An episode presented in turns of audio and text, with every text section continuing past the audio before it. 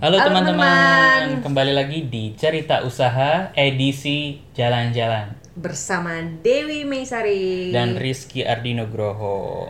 Eh, melanjutkan part sebelumnya, part sebelumnya kita hari ini eh, membahas tentang papis juice. Papis Juice. Kemarin sudah diceritakan oleh Mbak Fitri dan Mas Ruli Mm-mm. eh, bagaimana perjalanan menuju menemukan papis juice.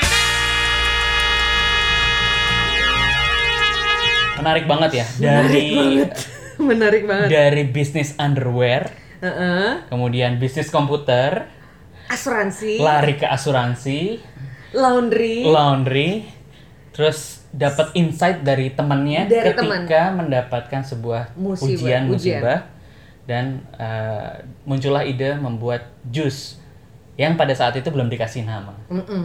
Nah, sampai titik di mana mereka berdua memutuskan untuk this is it, this, is, my business. This is my business. Gue bakal ceritain lagi, kita akan ngubek-ngubek lagi, Mm-mm. eh, bakal menguak apa dalamnya papis jus, sudah sampai mana papis jus saat ini, dan bagaimana mereka survive selama beberapa tahun ini. Mm-mm. Nah, kita sapa lagi ya. Hari ini ada Mas Ruli sama Mbak Fitri lagi. Masih. Halo Mas. Assalamualaikum. Mas. Assalamualaikum. Halo, assalamualaikum. Waalaikumsalam warahmatullahi Halo, Assalamualaikum. Waalaikumsalam Mbak Fitri, Mas Ruli. Oke, eh, pertanyaan ini dari Mbak Dewi kita mulai ya. Eh, seka- kan udah tiga tahun ya Mbak ya, Papis ya sekarang ya. Iya. Eh, karyawan ini berarti suami dan istri Mbak Mas Ruli dan Mbak Fitri karyawan juga kan? Tuh. Maksudnya ikut secara aktif bukan Iya. eh, ini doang. Nah selain Mbak Fitri dan Mas Ruli ada karyawan lain nggak Ya, ada. sekarang? Udah berapa? Karyawan kita udah tiga Oke tiga ya. yang bagian produksi. Bagi tugasnya nih boleh tahu nggak diceritain dong ke kita kita bagi tugasnya antara Mas Ruli, Mbak Fitri sama karyawan nih kayak gimana? Jadi gini, eh, kalau saya pribadi itu lebih fokus ke bagian produksi, Hmm. ngurusin eh, bahan baku, kemudian bikin rasa yang baru, kemudian kualitas rasanya juga, gitu kan, pengadaan barang-barang kayak botol segala macam label. eh, apa yang lain-lain lah pokoknya itu bagian produksi itu urusan saya nah kalau untuk istri dia lebih fokus ke penjualan Hmm. jadi sehari harinya dia sekarang megang HP megang handphone gitu kan aku boleh lihat nggak jempolnya kapalan nggak? Ngebales-balesin order. Jadi eh, berapa tahun ini sampai di hari ini? Tadi tiga tahun ya, Ya, dari bulan September ya tahun. udah. September.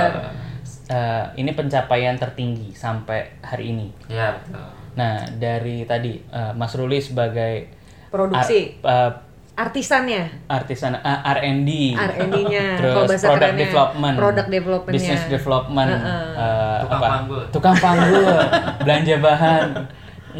Nah, itu gimana Mas? Apakah sudah bisa didelegasi belum sih Mas? ya jadi gini kita sempet eh, coba cari orang untuk eh, kurir kemudian untuk apa pencarian bahan-bahan baku ternyata eh, apa namanya yang berhubungan dengan manusia itu gampang-gampang susah gitu kan Hmm. di mungkin saya nggak ngerti di mana eh, dia merasa keberatannya udah berapa kali ganti gitu kan akhirnya saya sekarang sambil jalan aja ya udah saya kerjaan aja dulu gitu kan Oke. nanti sambil jalan sambil cari yang lain gitu berarti tiga orang karyawan ini tugasnya ngapain aja? Nah. Bantuin Mas Ruli dalam kegiatan apa saja? jadi gini kalau untuk yang dua itu dia lebih fokus ke produksi jadi kita ada ada jus ada eh, minuman susu nah yang satu saya fokuskan ini gimana caranya anak ini eh, apa namanya anak ini pintar di bagian jus. Nah yang satu lagi anak ini pintar di bagian eh, bagian minuman susu. Tapi pada saat eh, salah satu libur yang ini juga eh, harus bisa minimal bisa lah untuk eh, menguasai di bidang yang eh, jus atau enggak si bagian susu. Karena gini eh, untuk resep untuk rasa kita oven semua Open, jadi pegawai itu tahu. betul. Kita tahu sama eh, ki- eh, pegawai itu tahu. Saya nggak saya nggak berpikir. Oke, nanti kita bahas ini ya. Ah. jadi eh, saya open semua. Jadi pada saat saya pergi misalkan saya saya, saya lagi pergi ke mana gitu kan. Jadi si karyawan ini nggak perlu harus nanya nanya nanya lagi pak ini resepnya kalau jus ini eh, gulanya berapa, buahnya berapa, airnya berapa. Nah jadi saya nggak mau dipusingkan untuk hal seperti itu gitu kan. Mm-mm. Nah, saya pikir lillahi ta'ala lah kalaupun misalkan dia keluar dan bikin jus lagi misalkan dengan resep yang saya yang ada yang di sini ya itu kan rezeki Allah kan pasti Iya. eh, nggak perlu takut lah gitu Nah, kan. ini ini pegangan, Mbak. Jadi ada part of menjaga rahasia sama ya kita sudah eh, Mas Ruli dan Mbak Fitri udah yakin bahwa rezeki itu sudah diatur. Tuh. Nah, nanti nanti kita bahas sedikit tentang ini. Gue cuma komen makom udah tinggi ini. Wah, Ini namanya bisnis dengan spiritual. Eh, gue kan sok-sok akademisi ya. Ini kalau orang tua nyebut ini namanya eh, kecerdasan spiritual. Nah, Ya. sedikit sedikit. eh, tolong diceritakan ada berapa item. Tadi kan ada Ada eh, berapa varian Ada berapa varian? Iya. Kalau nggak salah namanya yang susu-susu tuh ini Beverage ya tadi. Papis Happy kan ya. Iya, Jadi betul. ada Papis Juice, ada Papis, Papis Happy, Happy. dan gue sebenarnya pelanggan Papis Detox. Oke. Tolong disebutkan brandnya apa, bisa dilihat di mana, Uh-uh. jenisnya apa saja, Iya. range harganya berapa. Sebelum jauh. Heeh. Jadi ya, brand kita itu Papis Juice ya seperti yang dibilang kemarin istri saya itu Papis itu payu pisan. Nah itu doa lah buat kita. Nah untuk eh, varian rasanya itu untuk buah kita ada kurang lebih sekitar eh, sebelasan lah. 11. Disebutin satu-satu apa Oh, silakan, Oh, boleh. Boleh. Harus dipromosikan. Yang eh, bestseller, mulai dari yang bestseller ya. Hmm. Ada jus kedongdong. Kita punya tiga varian jus kedongdong. Tiga varian. Tiga. Kedongdong aja Nah, ada tiga Ada varian. tiga. Ada tiga kedongdong. Jadi ada kedongdong yang original, kemudian ada yang pakai kiamboy, satu lagi pakai daun mint. Guys, mau tau nggak guys? Gue kecanduan sama yang namanya Papis Juice Kedongdong Original. Nanti harus beli. Jangan cuma dengerin ya, beli. Cobain. Oke, lanjut. Nggak Nah, yang berikutnya itu kita punya jus buah pala. Nah, itu yang legendaris dari kita ya. Yang Jadi cerita malah- sejarahnya malah- kemarin malah produk- kan ya. produk pertama ya kan? Ini yang pertama Iya. inspirasi disuruh sama teman eh, dikasih saran sama teman, lu mendingan bikin jus pala aja di botol-botolin gitu ya. Itu Ini justru lege- legendari dari legendaris. Papis Jusnya itu, Heeh. ya kan. Kemudian ada lagi jus ya yang sama-sama bestseller juga jeruk peres. Mm-mm. Karena eh, saya dapat testimoni dari beberapa orang eh, minum jeruk peres punya saya kok beda ya. Saya minum jeruk peres pu- apa, eh, di tempat lain kok begini. Kok di sini beda gitu ya. Itu Eh, stop, stop. Saya coba dulu deh. Coba coba. Nggak, tapi lanjut, lanjut. Oke. Saya Oke, oke. mau Nggak, terus, terus. gue nggak menahan diri sebagai konsumen ya gue. Emang beda sih jeruk peresnya bu. Kalau ditelan tuh eh, apa ya kayak smooth aja gitu masuk ke leher cie. Terus Lanjut. mas lanjut mas. Terus ada lagi jus eh, lemon jahe. Ini juga enak. Lemon Lemon jahe, lemon bingung. jahe gitu kan. Jadi ada asamnya, ada anget-angetnya. Guys, ini sementara kalian mendengarkan saya mencicipi. Terus ada lagi jeruk eh, jeruk nipis. Kita punya dua varian jeruk nipis, yang original sama yang pakai kiamboy. Itu sama-sama eh, apa? Penjualannya sama-sama gitu. Jadi nggak timpang yang original tinggi, kemudian yang pakai kiamboy tinggi. Eh, enggak gitu. Ini sama-sama. Itu sama-sama apa? eh, penjualannya sama. Kemudian ada jus kiwi, mangga, sirsak itu mungkin udah biasa ya. Nah, adalah itu di papis juga. Kemudian untuk yang kita juga lagi Papis ada happy. kepikiran lagi gitu kan dalam satu varian eh, jeruk atau enggak kedongdong ini saya mau campurin apa gitu. Nantilah nextnya itu mah rahasia, Bu. Biar jadi kejutan. Biar jadi kejutan. Guys, barusan ngicipin yang namanya Jeruk peres. peres original. What do you think? Gila, gila. Baru kali ini gue minum jus kayak gini. Enak kan? Ya, ada campuran eh, formula rahasia nih gue yakin. Itu dia. Eh, Cuma di share ke karyawan nggak sama lu Ki. Oh, gitu. Ah, gue gue jadi karyawan dulu. Sebulan aja nggak apa-apa, gue ikhlas. Ngarep. Tadi kan tadi kan ikhlas mau bagi-bagi ya. Oke. Oke lanjut mas. Ya, Terus, terus yang, yang menu apa Papis Happy. happy, Papis ya, Happy. betul. Papis happy itu eh yang paling best sellernya itu Thai tea. Mm-mm. Karena eh, Thai tea kita katanya sih gitu kan kata orang. Nggak, kalau ini benar gue soalnya langganan. Oke katanya. Gue belum nyoba tapi. Enak banget. Serius. Aduh. Habis ini coba lagi. Iya. Kembungnya. Pokoknya ada yang merek merek terkenal apalah itu yang gue gak mau sebut ya. Enakan ini. Oke, lanjut mas. Terus ada yang green tea, biasalah itu green tea, kemudian yang coklat, kemudian rasa taro, strawberry, bubble gum, Nah ini red velvet, kemudian cappuccino, mango. Nah, ada dua rasa baru eh, kemarin kita baru apa, Launching. launching gitu kan rasa leci sama alpukat dan itu ternyata saya saya nggak berpikir itu akan heboh gitu kan. Tapi pada saat kita coba launching di Banjar, ih, ternyata peminatnya luar biasa. Kemudian sama agen juga eh, apa eh, ordernya tuh lebih banyak gitu dibanding eh, yang lain jadinya gitu kan. Oh ternyata eh, gua rasa ini eh, cukup eh, menambah warna gitu kan di papis juice gitu. Mantap. Kalau papis detox mas? Nah, u- untuk papis detox ini eh, bagi orang yang nggak suka apa eh, Gula. gula sama Hidup sehat. hidup sehat gitu, yang yang suka hidup sehat lah gitu pengen kan, praktis pengen praktis. Nah, kita punya solusinya yaitu papis detox. Dan eh, jangan salah, papis detox ini kita udah kolaborasi dengan ahli gizi, ya kan? Nah ini dia nih. Nah, ini. Membuat produk itu nggak hanya enak, tapi harus tahu ilmu di balik Betul. ramuannya. Jadi kan kadang-kadang orang cuma bikin, wah ini enak nih, jual. Ya. Nanti baru kasak kusuk, ini manfaatnya apa. Nah ini kan emang udah langsung konsultasi sama ahli gizi ya mas. Betul, jadi kita nggak sembarang bikin eh, jus detox ini karena dari eh, macam-macam rasanya itu ada banyak kandungan yang nutrisinya itu udah diperhitungkan sama dok apa sama ahli gizi tersebut gitu kan. Eh, kita punya enam varian ya. Yang pertama itu ada wortel sama lemon.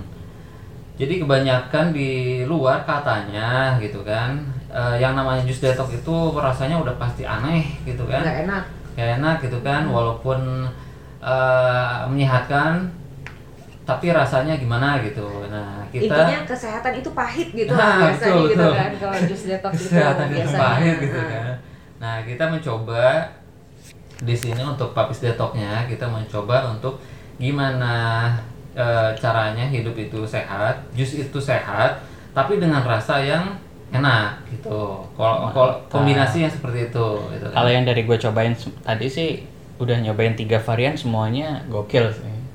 Berarti harus nyobain berapa varian lagi? dah? 8 varian lagi. Iya banyak maksudnya. 20 lebih variannya ada 20 lebih. Mas, bisa ditemukan di mana sih?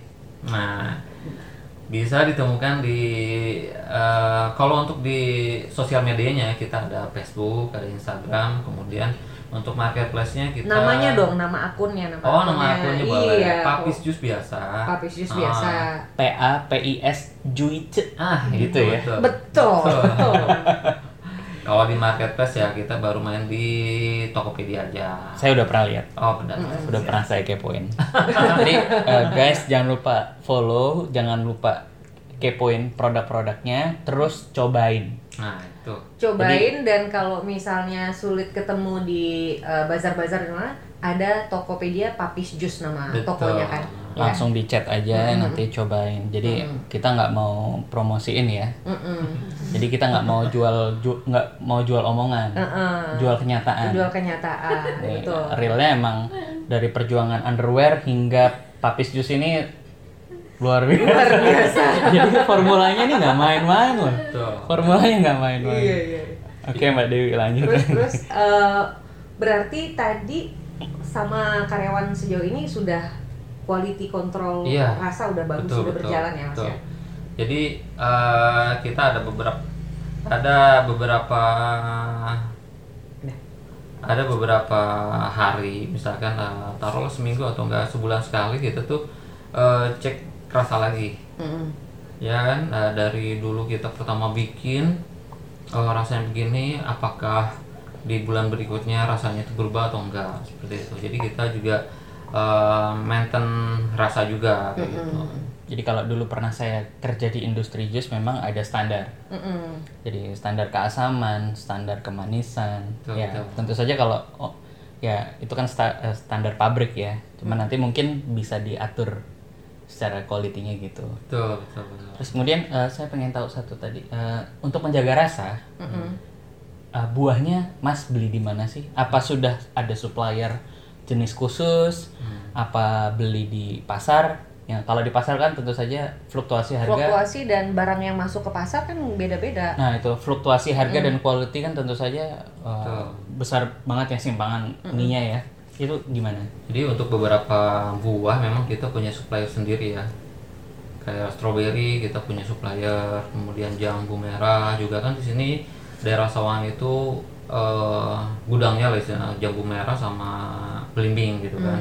Nah kita juga punya Sepanjang tahun aman tuh. aman, insya aman. Nah untuk buah-buah yang lain sih kita memang carinya di pasar, pasarnya pa- tapi pasar pasar yang besar ya pasar induk kayak gitu. Kita udah punya langganan, jadi pada saat kita ke sana tuh udah disiapin yang kualitasnya benar-benar yang kita minta gitu. Hmm. Jadi nggak kita tuh ke sana karena kita udah langganan, jadi eh kita lagi butuh nih, kita tinggal WhatsApp aja. Saya butuh eh, buah eh, yang misalkan yang gede-gede lah, kalau misalkan kedong-dong yang kualitasnya super gitu kan, mereka siapkan berapa berapa kilo misalkan. kayak Jadi nggak dijemput ya. Sekarang udah diantar. beberapa dijemput. Masih ada yang dijemput? Ah, masih ada yang dijemput, tapi eh, At least pada saat menjemput udah disiapin. Iya, Nah, betul, betul. jadi nggak nggak udah dipisah bisa. lama Iya. ya. bukan, bukan gini bukan waktu datang milih ke donong Ah. satu-satu Betul. kayak gitu. Orderannya udah ratusan juta. Kalau milihin sampai lima Aduh, hari baru sampai selesai. keriting Iya. Jadi mereka sendiri udah udah paham lah gitu kan apa yang saya minta, kualitasnya seperti apa, eh, dan pasti mereka siapkan. Jadi kendala musim khususnya musim buah itu uh, so, so far nggak ada masalah ya. Jadi gini, kita kan tahu nih eh apa musim-musiman buah. Misalnya kayak sekarang itu lagi musim mangga gitu kan. Nah di saat mangga eh, musim banyak itu kan pasti harga pasti murah kan. Nah kita buat stok mangga itu nggak bisa lama. Jadi ada proses kita tuh oh gimana nih caranya gimana mangga itu bisa tahan lama. Hmm. Nah gitu kan. Nah kita eh, bikin walaupun kita beli banyak tapi mangga itu gimana caranya bisa nanti setelah musim gak jalan kita masih punya stok gitu. Jadi Dibikin kita, puree gitu. Ah, jadi kita memikirkan ke sana lah gitu kan. Lagi memikirkan ke sana untuk yang buah yang lainnya juga. Boleh Kayak nanti gitu. kita ngobrol. Kebetulan saya teknologi pangan. Ini jualan jualan Jualan jasa. jasa. Keren. Pas banget ya. iya tapi salah satunya tuh kalau nggak salah eh, strawberry kan juga ngambil dari supplier ya Iya, dan betul. strawberry juga lagi banyak Stok. kadang-kadang kalau lagi banyak stok itu di supaya dan strawberry kan sama gampang hancur juga Sehari dua hari gampang dua hancur. juga hancur jadi Mm-mm. supaya bisa dipakai lama-lama diapain tuh mas? Kita freezer, kita frozen. Frozen. Hmm, Seperti oke. buah-buah yang dari impor seperti buah yang impor itu yang beberapa buah mereka juga fro- frozen datang. Hmm, jadi supaya Jadi kalau di pabrik Buah-buah pabrik cranberry. jus emang ada yang fresh juice dari buah langsung, ada juga yang datang tuh puree. oke Puree itu pasta, iya pasta iya buah. udah dihancurin gitu kan Nah, kalau papis jus ada yang pasta juga. Beli pasta ada? Enggak. nggak ada Oh, jadi jus Iya. benar-benar jus ya. Iya. dari buah Mantap. Siap, siap. Nah, tadi kita udah ngomongin seluk-beluk sedikit tentang teknik produksinya. Kalau jualannya tadi udah sempat diceritakan eh, hadir di sosial media, Instagram dan Facebook, terus online ada Tokopedia juga. Nah, selain itu kalau secara offline jualannya gimana sih Papis Jus ini? Kan kemarin diceritain dijual dari customer laundry. Iya. Nah, Nah, awalnya sekarang- dari customer laundry dulu. Sekarang sudah tiga tahun ini uh, offline marketnya yang digarap kayak apa? sih? Kayak gimana aja jualannya? Offline-nya itu salah satunya lewat bazar. Oh jadi rutin nih? Event-event, ya. Tiap tiap bulan pasti. Tiap bulan tuh pasti selalu ada event-event bazar kita. Hmm. Nah, makanya selalu update tentang bazar-bazar yang ada di Jakarta, di Bogor, di Depok. Kita selalu ikuti. Hmm. Itu uh, penjualan secara offline dan uh, belum lagi Car Free Day setiap hari Minggu Mm-mm. di uh, dekat komplek kita itu di Telaga Golf. Mm-mm. itu setiap hari minggu kita ada di sana dan kebetulan di setiap hari minggu itu kita kasih harga khusus reseller Hmm, Ah, reseller gimana nih? Reseller gimana nih? Reseller. Ah. Udah Nah, berapa reseller sampai saat ini? Eh, reseller eh, Kira-kira kira-kira. kira-kira ya kurang lebih ada 20 Mm-mm. 20-an gitu karena kan naik turun ya fluktuatif ya terus udah gitu ini mm, kita jual harga reseller di khusus di Car Free Day Sawangan Elaga Golov di situ. Nah, untuk apa sih eh, ininya? Eh, karena kebanyakan kan orang tuh beli beli. Nah, ntar biasanya kalau mereka udah biasa beli itu di situ, ntar mereka oh dari kantor bawa ke kantor. Oh, Mm-mm. besok saya pesen ya buat ke kantor 10, 20 gitu kan. Mm-mm. Tetap dapat harga reseller. Eh, 20 botol dapat harga reseller gitu kan spesial di situ spesial, doang. lebih spesial gitu khusus di sini. Nah itu sih eh, untuk promosiin secara offline-nya bazar tuh bazar. Oke. Asik banget kalau Terus bazar. kemudian Mm-mm. eh, apa namanya perlu eh, sepanjang mus sepanjang tahun ini kan udah tiga tahun nih Mm-mm. kan kalau yang namanya minuman Mm-mm. itu seasonal sebenarnya Yes. Kayak misalnya musim panas kemarau gitu kan orang penjualannya gila-gilaan terus musim hujan itu orang malas minum jus. Mm-mm. itu eh, gimana sih grafik penjualannya hingga saat ini Kalau yang saya tahu sih musim hujan itu nggak ngaruh, nggak ngaruh. karena enak mbak Iya. mau Nggak panas ngaruh. Justru malah yang ngaruh itu mungkin bukan bagi kita aja kali ya. Pada saat Ramadan. Ramadan menjelang Lebaran Hmm. itu saja yang turun mungkin eh, semua pelaku usaha eh, merasakan Gitu, oke. eh, Ramadan dan Idul Fitri karena itu adalah long weekend liburan panjang gitu. Nah kita juga sedang memikirkan konsep bagaimana nanti kalau pada saat Ramadan dan eh, Idul Fitri kita tetap eh, omset tuh jangan sampai turun. Mm-mm. Kalau Jadi sa- lagi memikirkan saat ke ini sana. produksi sehari itu berapa botol sih dari semua itu average aja. Average, Rata-rata. eh, rata-rata sa- 100 sampai 200 sehari produksi 200 penjualan 150 sampai sampai 200an kalau dalam sebulan? Dalam hitungan botol liter ribuan atau ya berarti ya? Iya, sekitar empat empat ribu. ribu. Empat ribu empat ribu lima ribu. Iya. Iya, Mbak Fitri. empat ribu lima dengan omset besar Terakhir yang pernah kita capai 40 Eh, ya kurang lebih sekitar 50-an lah. Masya allah. Ya kalau dari eh, average eh, 50 itu paling tertinggi lah.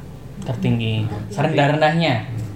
serendah-rendahnya kurang lebih ya 30 lah. 30 oke Sebenarnya bang. itu jauh dari target kita. Hmm. masih Karena- jauh dari target ya? Iya, betul. berarti belum puas sama Belum. Iya, emang, emang yang namanya jualan tuh jangan cepet puas. Jauh itu dari target kita. Tapi eh, pengen tahu sedikit sih Heeh, heeh. bayangan aja nih buat teman-teman kira-kira di industri jus ini margin tuh berapa persen sih? Let's say di harga reseller lah ya. Ya. harga Nah, reseller tadi soalnya udah terlanjur disebut juga kan reseller kan Ya. memang harga jual berapa harga untuk reseller berapa sih boleh nggak di share Pasti pasti untuk apa setiap produk beda ya. Cuman pukul rata gitu ya. Betul, Nih, jadi kita ada- pengen tahu di industri ini seberapa gemuk sih margin. Jadi kalau untuk harga eh, harga retail itu kita kasih harga 15.000 dan untuk harga reseller itu pembelian tertentu eh, kita kasih harga 10.000 per botolnya. Jadi ada margin 5.000 lah untuk si reseller dan kenapa margin segitu? Jadi untuk eh, membuat semangat lah dari satu botol aja kita 5.000 loh gitu. Iya. Kali berapa nanti eh, penjualannya dia gitu kan. Terus untuk eh, apa namanya? Apa tadi Mas? Lupa Mas. Wah, Lupa. keba- kebany- kebanyakan ngitung duit. Pokoknya terima setoran sekian.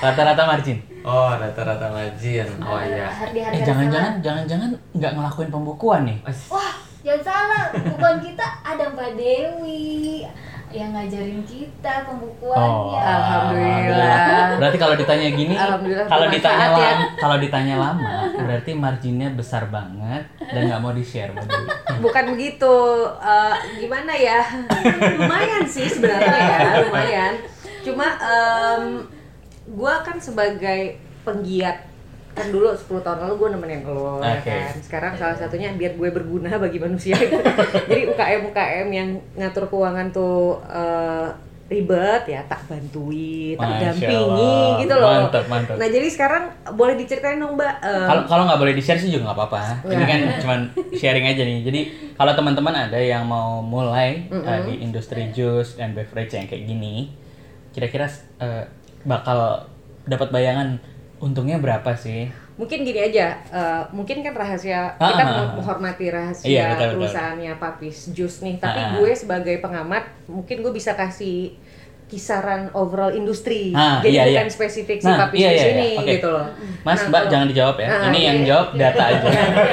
Dari gue aja sebagai pola apa umum industri jadi nggak spesifik si papis kalau untuk eh, kuliner seperti ini ya yang produksi itu rata-rata kalau lo di bawah 30% itu mestinya lo berpikir apa yang salah sama cara lo berproduksi atau cara lo berjualan. Oke. Jadi teman-teman. harusnya bisa lebih dari 30%. Nah, ya teman-teman, industri ini masih sangat terbuka lebar. Iya. Jadi ini salah satu contoh bisnis yang ya tiga tahun udah dapat omset sekian. Iya. Berarti kan kemungkinan ya, kemungkinan masih banyak peluang. Iya. Meskipun banyak banget yang main di industri ini, tapi kalau kalian eh, punya apa ya, Konsistensi, punya fokus. formula yang luar biasa, Uh-uh. oke. Kemudian getol tadi ya, getol zikir, Iya. getol jualan offline tiap hari. Kayaknya nggak ada libur ya, karena hari biasa kerja, Sabtu Minggu dia juga jualan. Iya. Jadi nonstop. Nah, ini nih, nih, nih, resep yang luar biasa. Jadi papis jus ini bisa melejit sampai baru tiga tahun udah sampai segini. Tapi belum puas. Tapi Tapi, belum puas, belum iya. puas. Nah, jadi intinya beda sama bisnis trading. Kalau Hmm. trading nih biasanya orang main volume. Hmm. Jadi marginnya tipis 5 sampai 10% atau kalau udah lo main trading bisa margin 15% itu gede banget gitu. Nah, eh, tapi ini kan produksi. Produksi kan effortnya lebih gede daripada lo sekedar trading. Hmm. Nah, sehingga eh, sama kok kayak restoran juga itu kan ribet ya operationnya bla bla bla. Jadi kalau misalnya dapat profit margin kurang dari eh, 30% 25 ya. sampai 30% itu ada yang salah sama cara berproduksi atau cara berjualan harus harus diperbaiki lagi tuh. Tapi kalau lo di trading ya 5-10% ya nggak apa-apa gitu. Puas loh. gitu ya, udah udah segitu. cukup karena mainnya di volume. Iya. Mainnya di volume. Oke, tadi udah sampai level di mana 30 sampai 50. Eh, Terus omset dan belum puas ternyata. dan belum puas. Belum. Dan tadi sedek- sedikit cerita eh, kapasitas produksi masih bisa naik. masih bisa Masih naik. bisa naik. Nah, boleh diceritain. tekniknya mau ngapain nih ceritanya dari sisi pemasaran? Oh iya, dari sisi pemasaran. Dari segi pemasaran. Pengen Yes. ada upaya apa lagi berarti gitu. Bismillah ya, semoga kalau aku sih jujur aja mimpi aku terlalu tinggi apa ya terlalu Oh. besar ya. Tidak Kita ada- aminkan. Amin, tidak ada mimpi yang terlalu tinggi. Tidak ada. Kalau saya berpikir gini, eh, papis jus punya rasa, ya kan? Kenapa papis jus tidak bisa menyegarkan dunia gitu? Masya Allah. Ya kan? Ini, Kenapa? ini. Gitu. Gue Itu biar- kenapa gitu? karena- saya lagi bertanya. gitu. Karena Mbak Fitri ngomong kesadaran dunia nih, gue harus ngasih testimoni. Karena gue berhenti minum minuman soda yang segar-segar itu semenjak gue kena jus kedondongnya papis. Mm-mm. Kayaknya gue bakal gitu, Mbak. Iya, jadi I never buy any so- soda-sodaan lagi Iya. untuk Jadi- dapat setrum kesejak Jadi, kesegaran. dari Sawangan menuju dunia. Iya, Iya, amin. Iya itu sih aku tuh nah ini lagi terus berupaya lagi terus eh, ya Mbak Dewi ya kita sama-sama Hmm. ya memikirkan bagaimana caranya papis jus itu bisa menyegarkan dunia. Eh, kenapa ya? Eh, mereka itu bisa ada di setiap mall gitu kan? Kenapa papis jus nggak bisa gitu loh? Kenapa gitu loh? Apa yang salah gitu? Apa ya gitu? Upaya. Nah aku sih lagi berupaya kita harus punya tempat yang offline yang standby di satu tempat saat ini mungkin awalnya satu tempat next mungkin bisa uh, cabang Hmm. gitu bertambah lagi di mana-mana agar orang itu lebih mudah mendapatkan papis jus Ini Mm-mm, dari gitu. pemilik sudah membuka diri luar biasa. Mungkin investor banyak yang denger juga di sini. Iya, jangan-jangan. Silakan ngobrol. Silahkan kunjungi, kepoin dulu lah, Kepoin sama dulu, cobain dulu. Gua rasa nggak pikir panjang langsung butuh berapa mbak? Iya. Langsung DM aja dulu. Saya mau buka di Amerika nih. Di Yes. Kayaknya agak agak, mungkin orang sana kan belum pernah minum kedondong. Iya, ini aku pernah dapet loh bilang eh, aku pernah kasih ke tamu-tamuku juga memang katanya kalau jus pala sama kedondong tuh ada cita rasa eksotisnya bagi mereka. Oh, Iya, bagi saya juga. bagi kamu juga Iya, ya, walaupun ini kan kamu coklat-coklat gitu. Oh, saya kan agak Nusantara bermata asli biru. gitu ya. Mata nggak biru, tetap eksotis bagi kamu ya. Oh gitu. karena ini bagi karena, doang. karena karena gini mbak, Eh, nemuin jus Mm-mm. yang beda Mm-mm. itu jarang. Iya iya. Karena selama ini kan kita minum kayak misalnya minum jus jeruk, jus apa alpukat, Iya. jus jambu. Ya itu itu lagi, Iya, itu, itu iya. lagi. Ketem- ketika pertama kali gue disuguhin ada jus kedondong dan pala, gokilnya apaan ini? Gue agak ah, mungkin biasa aja. Eh begitu minum, ya Allah dari semua jus yang ada, kayaknya nggak bakal pindah haluan. Iya sama gue gue tuh sebenarnya eh, kan memang gue kerjaan ngebina UKM juga gitu kan Hmm. ya. Nah tapi memang em, se sejalan dengan semakin meningkatnya kesibukan kan jadinya milih-milih ya siapa UKM yang mau gue dampingin baik Iya. memperbaiki keuangan dan lain-lain gitu. Nah, gue tuh gara-gara gue udah kena santet kedondong itu, jadi gue gue jadi gue termasuk korban juga ki sebenarnya ki. Oke. Karena pas dia nyoba, Mbak Fitri tuh ke gue pas bilang minta uh, kita dampingin gitu ya, eh, ngasih bawain jus kedondong ke gue gitu. Terus gue coba, udah gue langsung kesetrum di se- se- se- apa tuh Di- isapan pertama. Buset. Itulah Allah yang menggerakkan Mbak Dewi. ya jadi eh, ini masih berjuang terus ya mbak ya Iya. Eh, karena kadang-kadang nih yang kita temuin sekarang teman-teman yang baru mulai bisnis ya saya banyak menemukan setelah online itu offline ditinggalkan jadi kebanyakan udah nyoba nih udah jualan udah buka Instagram udah buka Tokopedia terus duduk manis aja nunggu order datang nah ini eh, saya pikir dari pengalaman pertama jualan underwear sampai papis jus ini Iya. yang tidak pernah dilupakan sama Mas Roli dan Mbak eh, Mbak Fitri adalah berjualan berjibaku langsung Iya. ketemu customer. Nah ini Iya. pasti banyak insight yang eh, menarik buat teman-teman di, di yang mendengarkan yang baru mau mulai bisnis ataupun yang sudah. Jadi berjualan langsung itu punya feel yang Berbeda. berbeda.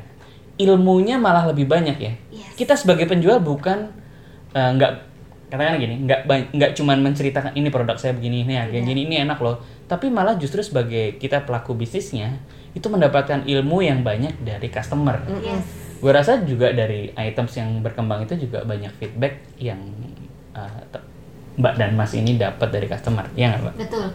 Eh, bukan hanya ilmu saja yang kita dapat silaturahmi. Yes. Silaturahmi menyambung rezeki. Iya. Yes. Dan Wah, salah luar satunya biasa. itu adalah networking. Nah itu dia. Nah, kenapa sih kadang-kadang pada saat event bazar itu kenapa kita yang langsung terjun berdua Dan bukan pegawai ya? dan bukan karyawan kita yang langsung kecuali kalau Car Free Day ya itu karyawan kita yang lepas karena itu di situ langganan udah banyak Mm-mm. ya kan omsetnya juga udah eh, masih Stabil, stabil stabil. gitu kan nah kalau di tempat event-event bazar yang baru itu kenapa kita yang langsung eh, terjun berdua? Karena beda rasanya ketika kita yang melayani. Storytellingnya, Mbak. iya storytellingnya. Customer itu suka dilayani gitu kan. Nah kita adalah suka melayani mereka. Dan dengan cara silaturahmi eh, penyajian yang baik dan akhirnya kita sering dapat langganan yang baru yang baru berdatangan. Kayak gitu. Nah di situlah akhirnya eh, kita bisa dapat networking ya yang Mm-mm. baru gitu Siap. Nah, aku karena ini juga kita punya tujuan edukasi, Mhm. boleh nggak terakhir nih kita udah Iya. bahas operasional, oke kita udah bahas pemasaran, Mm-mm. udah misahin keuangan rumah tangga sama keuangan bisnis belum sih Pak Pisjus ini? Ih, Alhamdulillahirobbil alamin karena dapat bimbingan dari Mbak Dewi Maisari selama satu tahun Wah, kok ini, jadi testimoni ke gue? ya kan? kita dibimbing nih mau diarahkan begini begini begini nah akhirnya alhamdulillah kita bisa memisahkan uang pribadi dengan uang Papis. papis jus Tapi aku aku mau tahu dulu ini maunya Bu Dewi, Mbak Dewi atau emang beneran emang beneran lebih enak nggak sih hidup setelah dipisahin? Ya, Kalau itu pertanyaan sih, saya. jujur aja. Ah, lebih Jujur. lebih apa lebih Ah. clear atau lebih enak waktu masih nyampur atau lebih enak setelah dipisah? jujur aja kalau kita punya mimpi besar Mm-mm. ya kita Mm-mm. harus usaha seperti ini dan kita harus bersi- ber, eh, apa ya eh, mau mendisiplinkan diri kita karena mimpi kita besar Mm-mm. kalau kita cuma mimpinya cuma bisnis saat ini aja eh, dicampur juga nggak masalah. Hmm. Tapi karena kita mimpinya besar, kita harus memulai mendisiplinkan keuangan pribadi dengan keuangan bisnis. Caranya gimana Mbak? Caranya gimana supaya misah uangnya itu gimana? Apa yang dilakukan sama Mbak? Menggaji diri kita Wah. sendiri.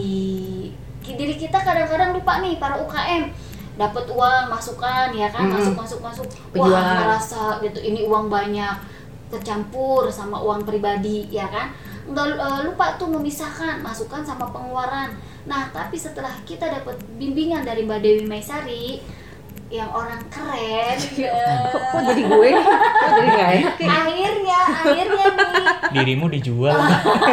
Aku dijual, tapi inspirasinya yang penting. Membantu Mungkin gue, perlu membantu dijelaskan gue sedikit- mencerahkan. Perlu dijelaskan sekali lagi kepada teman-teman yang mendengarkan. Siapa sih Mbak Dewi ini? Kok tiba-tiba jadi konsultan? Enggak, kalau gue kan penggiat UKM aja dari dulu. Nah. Gue nemenin lu, nemenin Mbak Fitri. Nah, Gua jadi gitu teman-teman peran nih, gue. teman-teman kalau punya Peran gue bisnis, gitu aja. coba coba diceritakan nanti barangkali Mbak Dewi bisa mensupport. Boleh, boleh di IG kita, di komen via komen-komen Ah, ah. gitu ya. Silakan loh. UKM UKM Indonesia. Indonesia.org.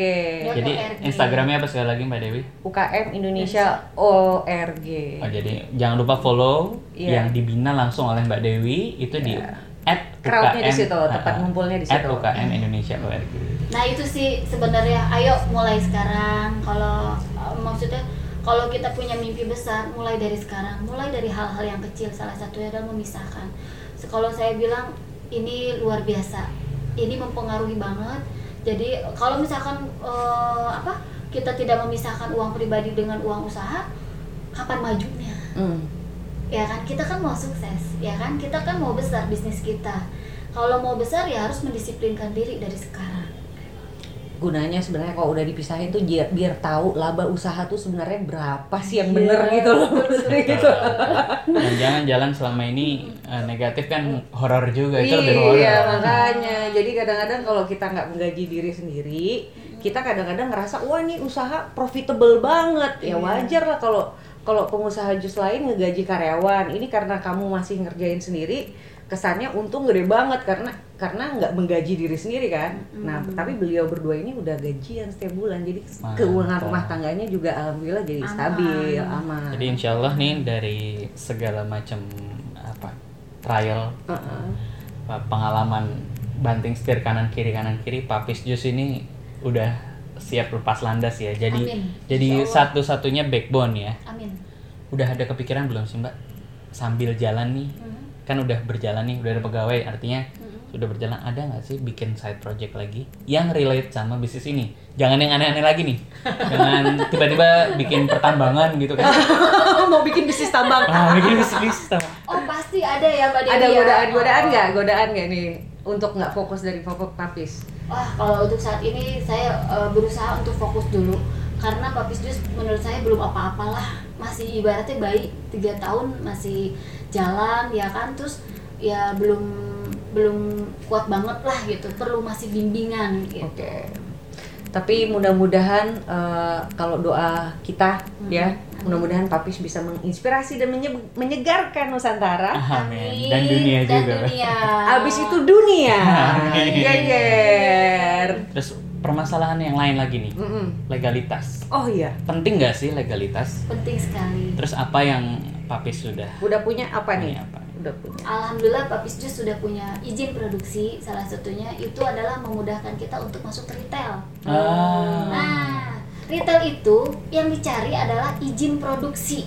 retail tuh apa mbak Retail yang kita Sebutkan. misalkan kayak misalkan eh, alhamdulillah kita sudah ada di eh, Kemci Kemang. wow oh iya Gitu. gila itu pasti orang bule langsung kaget nih Iya.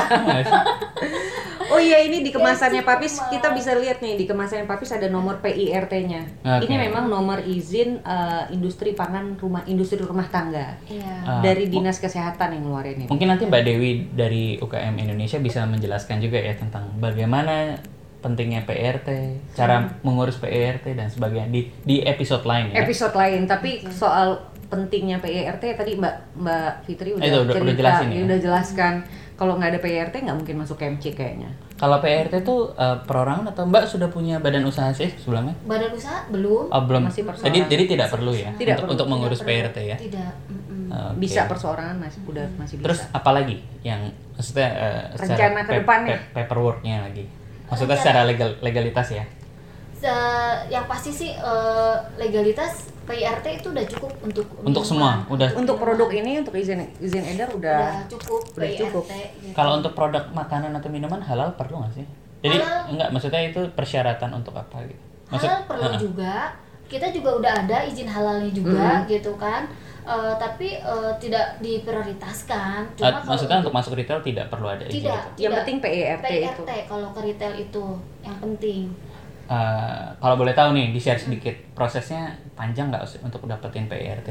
Eh, lumayan ya kurang lebih eh, sebulan sampai tiga bulan Itu- asal kita harus rajin-rajin ke dinas Ah, diskusi gitu.